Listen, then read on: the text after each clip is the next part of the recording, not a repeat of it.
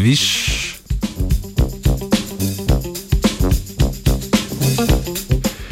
Žabe se v času parjenja znajdejo v zagati. Okoli njih je več različnih vrst žabcev, vsak od teh pa se po svoje oglaša in želi pritegniti pozornost žabe iste vrste. Tako zna biti v takih okoljih zelo hrupno, podobno kot takrat, ko se ljudje znajdemo na glasni zabavi, a nam vseeno uspe razločiti glas osebe, s katero se pogovarjamo, in izločiti vse preostali hrup. Mednarodna raziskovalna skupina je ugotovila, da to žabom omogoča povezava med pljuči in slušnimi organi. Sočasno s poslušanjem žabjega oglašanja zajemajo zrak v pljuča in s tem ustvarijo podoben efekt kot slušalke, ki dušijo hrup.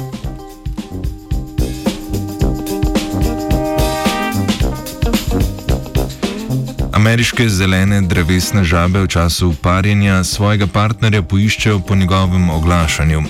Zvočne valove zaznavajo prek tresljajev na ušesnem bobniču, poleg tega pa žabe zvočne vibracije zaznavajo tudi preko pljuč. Ušesni bobnič pri žabah je neposredno povezan s pljuči.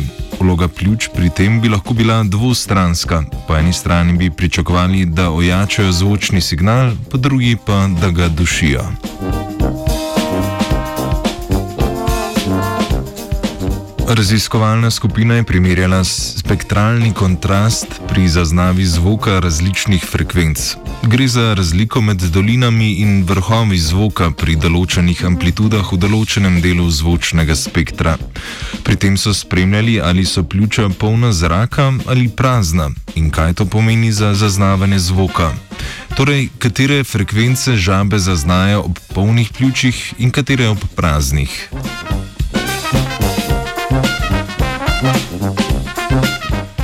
Raziskovalna skupina je odkrila, da povezava med slušnimi organi in pljuči omogoča žabam, da dušijo frekvence zvoka, ki za njih niso pomembne, torej ne prihajajo od žabcev iste vrste. Zrak v njihovih pljučih naj bi se namreč tresel s frekvencami, ki za žabe niso pomembne. Tako vibracije iz pljuč resonirajo s frekvenco zvoka, ki naj bi bila zadušena.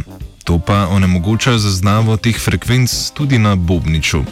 Pri vsem tem se torej občutljivost za zvok, ki za žabe ni pomemben, zmanjša.